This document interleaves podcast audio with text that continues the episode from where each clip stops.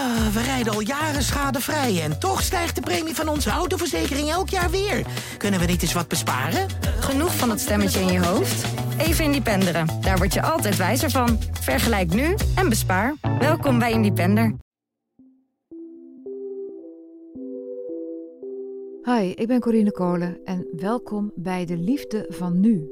Het beeld dat we hebben van vriendschappen is dat die altijd minder belangrijk zijn dan liefdesrelaties. Maar hoe noem je dan een intens vriendschappelijke band die op veel vlakken eigenlijk lijkt op een gezonde romantische relatie en het toch niet is? Hedwig, die je zo meteen hoort, heeft zo'n intense band met een man. En hoewel er vaak momenten zijn dat ze denkt dat het voor de buitenwereld niet genoeg is wat ze hebben, toch weet ze 100% zeker: dit is een man van wie ik altijd zal blijven houden. Dit is de liefde van nu.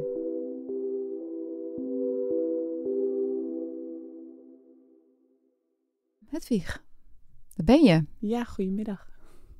Hoe oud ben jij? Ik ben 33 jaar. Ik vond het heel mooi. Jij schreef mij een mail en daar stond in: Ik ben er de laatste tijd achter gekomen dat liefde niet is zoals ik dacht dat die zou zijn. Ik dacht als kind dat ik één partner zou ontmoeten op mijn 4, 25ste. Dat ik daarmee zou trouwen, kinderen zou krijgen, voor mijn kinderen zou gaan zorgen. eh, niet carrière, een carrière zou hebben. Daar zou geen ruimte voor zijn. Dus ik zou nou, huismoeder worden met een semi-carrière ernaast. Kun je iets van het, van het milieu schetsen waar je, waar je vandaan kwam? Ja, ik kom uit een vrij eh, christelijk milieu. Ehm, ik heb wel ouders die eh, volledig meedoen in de samenleving, om het zo te zeggen. Ehm zijn hoog opgeleid.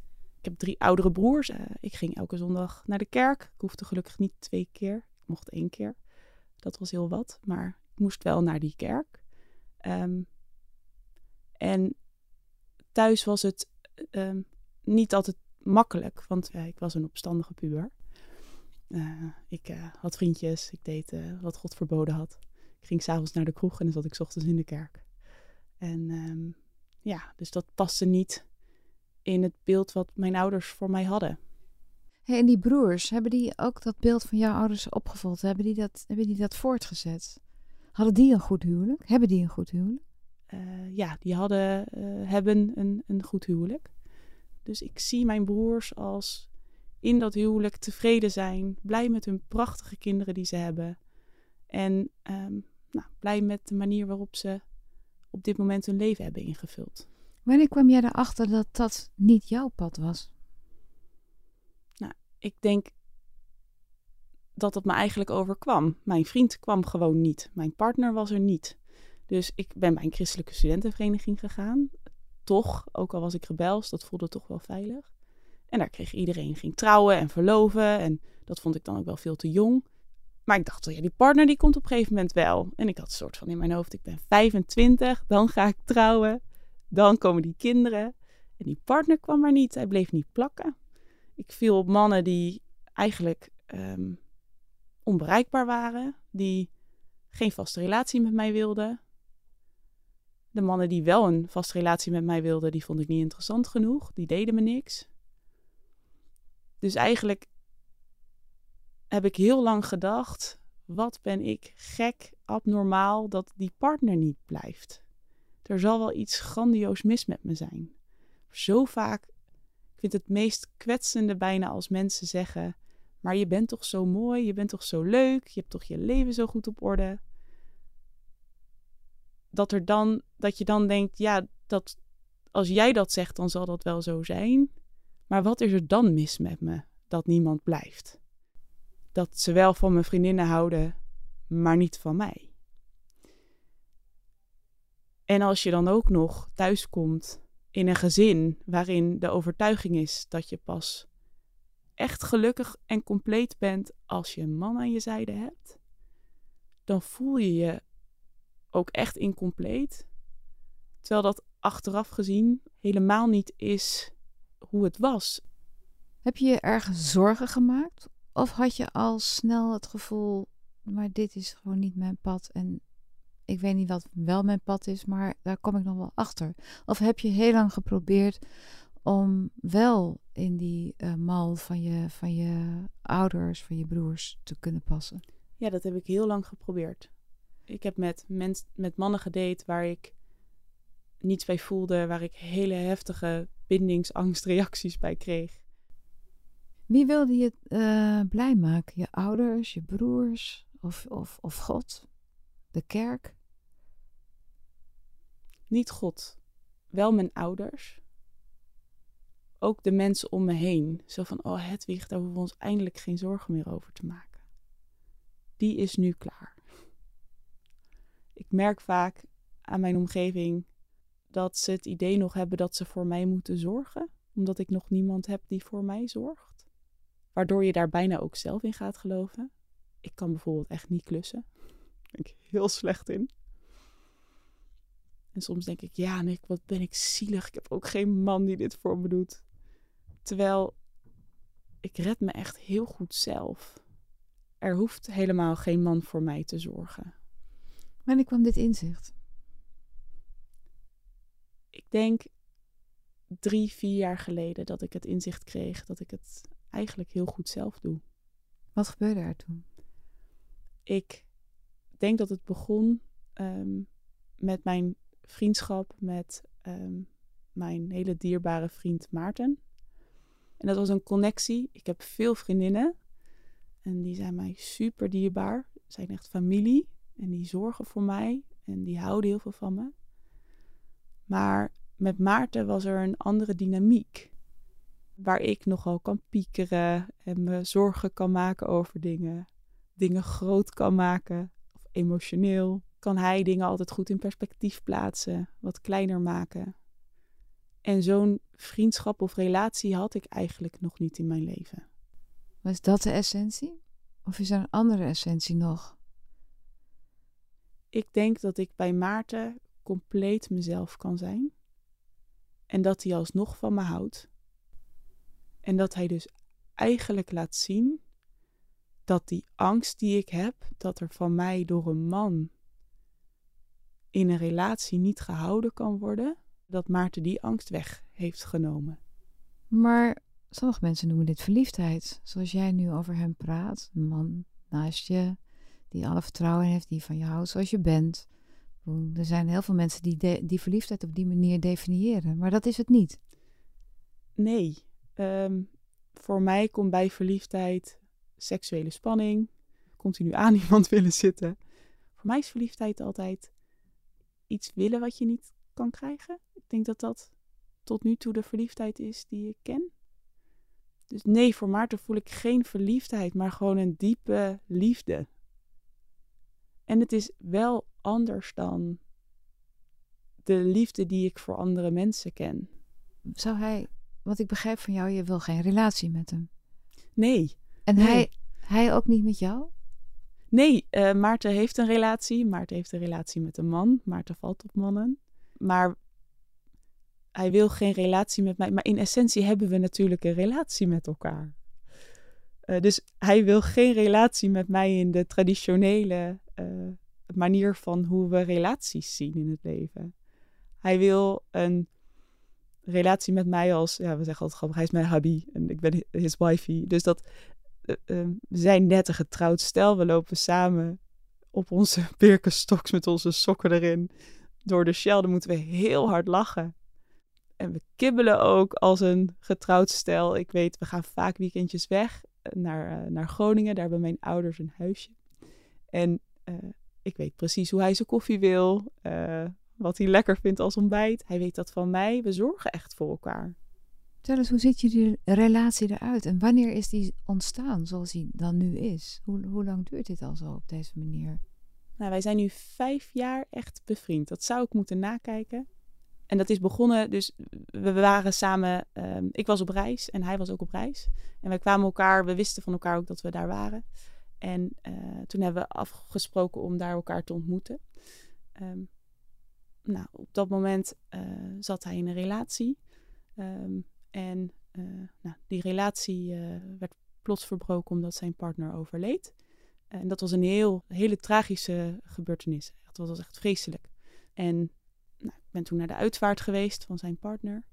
Ik, en daarna mocht ik bij hem er langskomen en er voor hem zijn. En dat was voor mij zo bijzonder dat iemand die je eigenlijk nog niet heel goed kent, die een hele brede groep met vrienden en familie om zich heen heeft, dat hij mij toeliet. Dat ik met hem uh, in dat verdriet mocht delen. En dan ineens heb je een hele bijzondere, um, diepe vriendschap. Dat gaat dan ineens heel snel, bedoel je? Heel snel, ja. We hebben heel, zelfs in die hele verdrietige uh, periode heel veel gelachen samen om stomme dingen.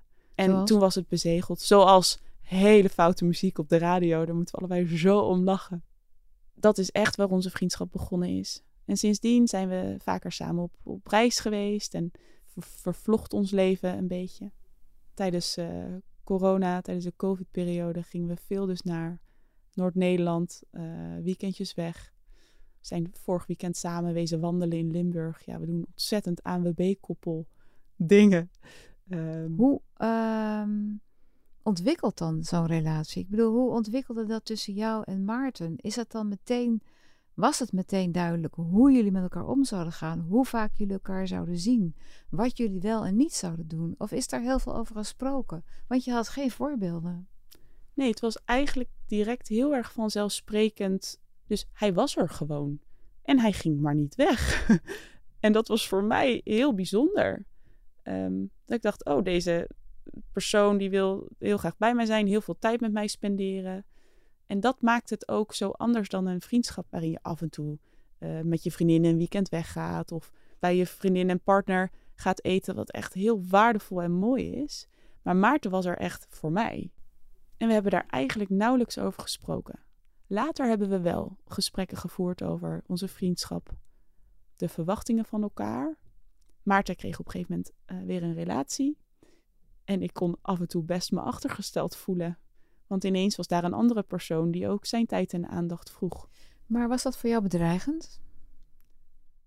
Op het moment dat Maarten vertelde dat ze gingen samenwonen, ik denk dat het dat het moment was waarop het voor mij bedreigend werd.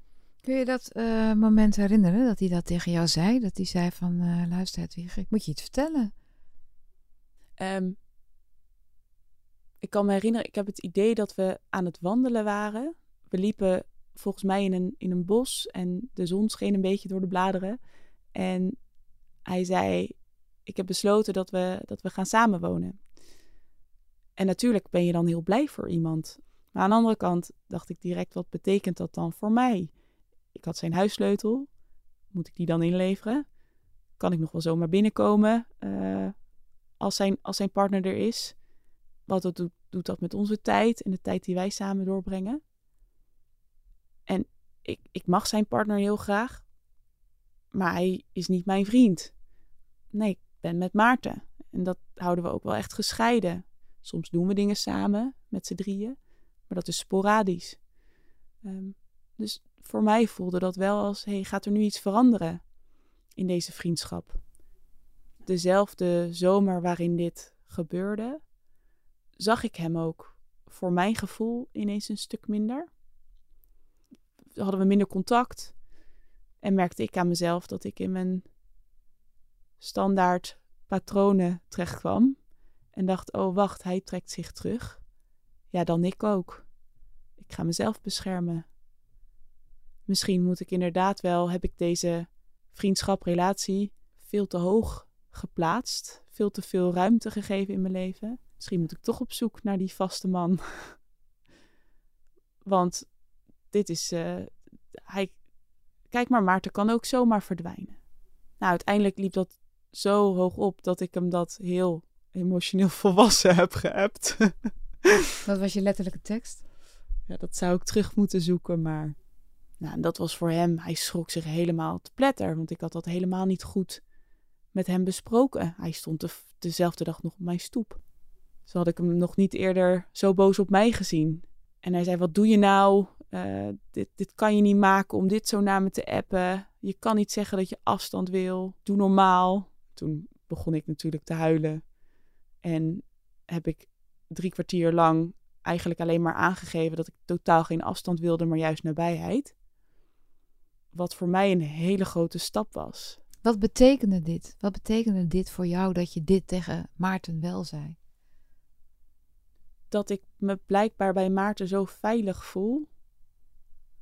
Dat zelfs die kant van mij en zelfs de kant waar ik echt niet trots op ben, dat ik dus iemand aan de kant zet op het moment dat het te dichtbij komt of te pijnlijk wordt. En dat hij dat niet accepteerde, dat was voor mij, ik dacht, dit is liefde. Dit is wat iemand die echt van je houdt. Dit is dan wat iemand doet. Die zegt, ja, maar ik laat jou niet gaan. Jij kan wel zeggen dat je weg wil, maar ik blijf hier staan. Dat was voor mij een wereld van verschil. En dat het daarna dus ook, dat je dus iets daarna kan repareren samen. En dat het daarna weer goed is. En dat het niet stuk gaat. En dat die vriendschap gewoon heel blijft. Ja, dat is een levensles voor mij. Eigenlijk heeft hij me daar verzekerd: ja, maar ik ga nooit weg. Jij bent zo belangrijk in mijn leven. Jij en ik, wij eindigen samen in het bejaardentehuis. En wij zijn voor altijd.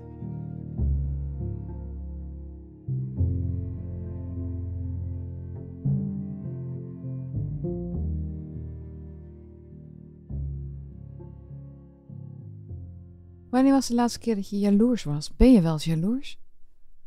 Ja, ik ben zeker wel eens jaloers. Op die partner? Ja, ik ben ook af en toe wel jaloers geweest op zijn partner. En de jaloezie zit hem dan met name in de tijdbesteding. Of de ervaringen die zij samen hebben, die ik misschien ook wel met Maarten zou willen hebben. Dat ze ehm, misschien samen een vakantie hebben die ik ook met Maarten zou willen. Naar een specifieke plek. Nog een ander, denk ik, goed voorbeeld. Ehm, dat Maarten erover nadenkt om misschien wel in het buitenland te gaan werken. Dat ik daar ook wel eens over na heb gedacht. Om in het buitenland weer te gaan werken. En dan zou hij met zijn partner gaan en niet met mij. En dat is heel logisch, want natuurlijk ga je met je partner naar het buitenland en niet met je random vriendin. maar toch doet dat dan echt wel wat met me. Dan denk ik, oh, ik ga je zo missen. En ik zou zo graag met je meegaan. Ja, want kijk, je, um, je praat hierover als, bijna alsof er geen hiërarchie zou zijn tussen jouw relatie met Maarten en jouw relatie met een, met een partner. Sterker nog, Jij stelt Maarten boven relaties met een zogenaamde liefdespartner. Maar Maarten heeft nu een liefdespartner waar jij altijd onder hangt. Want dat is nu, weet je, het feit als hij naar het buitenland gaat met die man. Jij zegt zelf, ja, dat is logisch. Is dat wel zo logisch? Ik vind dat op het moment dat jij dit ook uitspreekt direct heel pijnlijk. Want dat is precies wat ik voel in onze samenleving, in mijn gezin, in mijn omgeving. Als ik naar een bruiloft ga, dan mag ik Maarten niet meenemen. Dan neem je je partner mee. Als ik naar een begrafenis ga, hetzelfde. Alleen hij loopt wel dat pad wat er van hem verwacht wordt. En jij niet. Ja. De reden dat ik jou mailde, was. Ik was er al langer aan het, over aan het nadenken. Omdat ik heel graag wil dat de relatie die ik met Maarten heb. soort van genormaliseerd wordt. En. Maar de druppel voor mij was. dat ik van Maarten de vraag kreeg: hey, um, er is nu iemand die me wil volgen op Instagram. Ken je die persoon? En ik kende die persoon. Dat was iemand die ik al jaren niet had gesproken. Toen ineens realiseerde ik me dat ik een foto met Maarten had gepost. En die persoon, ik weet zeker, was Maarten nooit gaan volgen als hij nu dacht dat Maarten mijn partner was. Terwijl je weet helemaal niet hoe belangrijk iemand is in het leven van een ander. Je hebt geen idee. En dat, dat A, allereerst worstel ik daar zelf nog heel erg mee om te zeggen dat dit dus misschien wel gewoon is hoe ik mijn leven inricht. Met een Maarten, maar met ook andere mannen die voor mij samen een hele partner vormen. Want je ziet ook andere mannen naast Maarten. Ja, absoluut. En ik ben ook nog steeds op zoek naar eh, verliefdheid. En misschien ook iemand waar ik ehm, eh, mijn huis en mijn bed mee deel. En een geweldig seksleven heb. Ook iemand misschien wel om kinderen mee te krijgen. Ehm, en die andere mannen die geven mij ook weer heel veel. De een eh, is hele goede vriend die altijd langskomt op de koffie. En ik heel vaak zie in de week. En de ander heb ik geweldige seks mee. En uh, weer een ander. Nou, doe ik leuke dingen mee. Dus ik, ik vul dat helemaal op mijn eigen manier in. En Maart zegt wel eens, ja, samen zijn wij gewoon jouw man. Je bedoelt, hij en al die andere mannen zijn jouw man? Ja. Ik heb het alleen gewoon verdeeld. Ze zeggen altijd, je vindt het nooit in één iemand. en ik denk dat dat voor mij klopt. En zo'n liefdes, uh, zo'n vriendschap, of die, die band die jij hebt met Maarten, die, is, die wordt in jouw ogen eigenlijk nog mooier op het moment dat anderen ook inzien dat die mooi is. Ja, dan, nu je dit zo zegt, denk ik wat raar eigenlijk. Dat ik dat nodig heb. Ja, maar ik heb dat, ja. Zo voelt het wel. Dat iemand naar je kijkt en denkt: ah, haar leven is ook gewoon compleet. Zij is ook een compleet mens. Uiteindelijk zit wat ik heb meegekregen in mijn jeugd, zit zo bij me ingebakken dat ik eigenlijk stiekem ook over mezelf oordeel. Dat ik soms ook denk: je wil zo graag een partner. Of je wilde zo graag een partner, zo'n liefdespartner, zo'n die relatie had je zo voor ogen, dat je nu Maarten een soort van surrogaat man, partner maakt. Terwijl ik weet dat het niet zo is. Maar soms is er zo'n stemmetje in je hoofd wat dat dan zegt. Wanneer is zo'n stemmetje? Wanneer hoor je dat stemmetje? Ik denk op het moment dat ik andere mensen om me heen in zo'n gelukkige gezinsvorm door het park zie lopen. Met zo'n kindje erbij, hand in hand, beetje zo elkaar zoenend in elkaars nek. um, ik denk dan wel eens van, hoezo wil je, hoezo denk je nou ergens te kunnen zeggen dat je dit niet wilt? Want dit is toch precies wat iedereen wil en voor ogen heeft. Dus dat oordeel komt denk ik vooral uit mezelf. Het klinkt als een heel compleet leven wat je hebt. Voelt het ook zo? Ja, het voelt ook echt als een heel compleet leven. Ik zou wel graag nog. nee, het voelt als een heel compleet leven. En natuurlijk heb je altijd wensen in het leven. Wat maak je zin eens af? Wat zou je graag nog? Nou, ik zou heel graag nog zelf een huis kopen. En dat is gewoon hartstikke moeilijk om dat te doen. Oké, dat is een hele andere podcast. Ja, dat is een heel andere podcast. ja, dat is zeker een hele andere podcast. Maar dat zijn wel dingen die je dus normaal met een partner doet. Waardoor iedereen met een partner een huis koopt. Maar vandaag, nu, op dit moment, heb ik een heel compleet leven.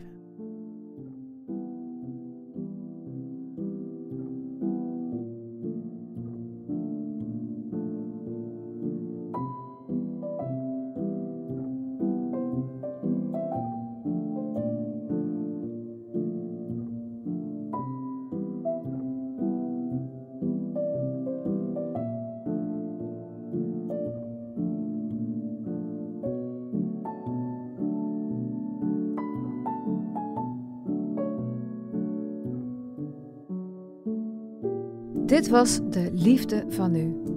Wil je reageren of met mij in contact komen? Mail dan naar de liefde van nu volkskrant.nl.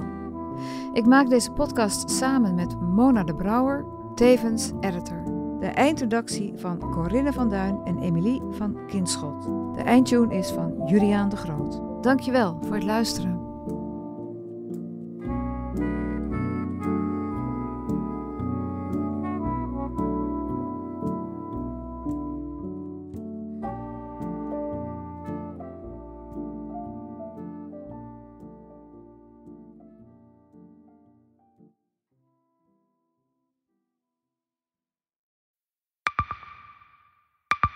Zijn leven is overhoop gegooid.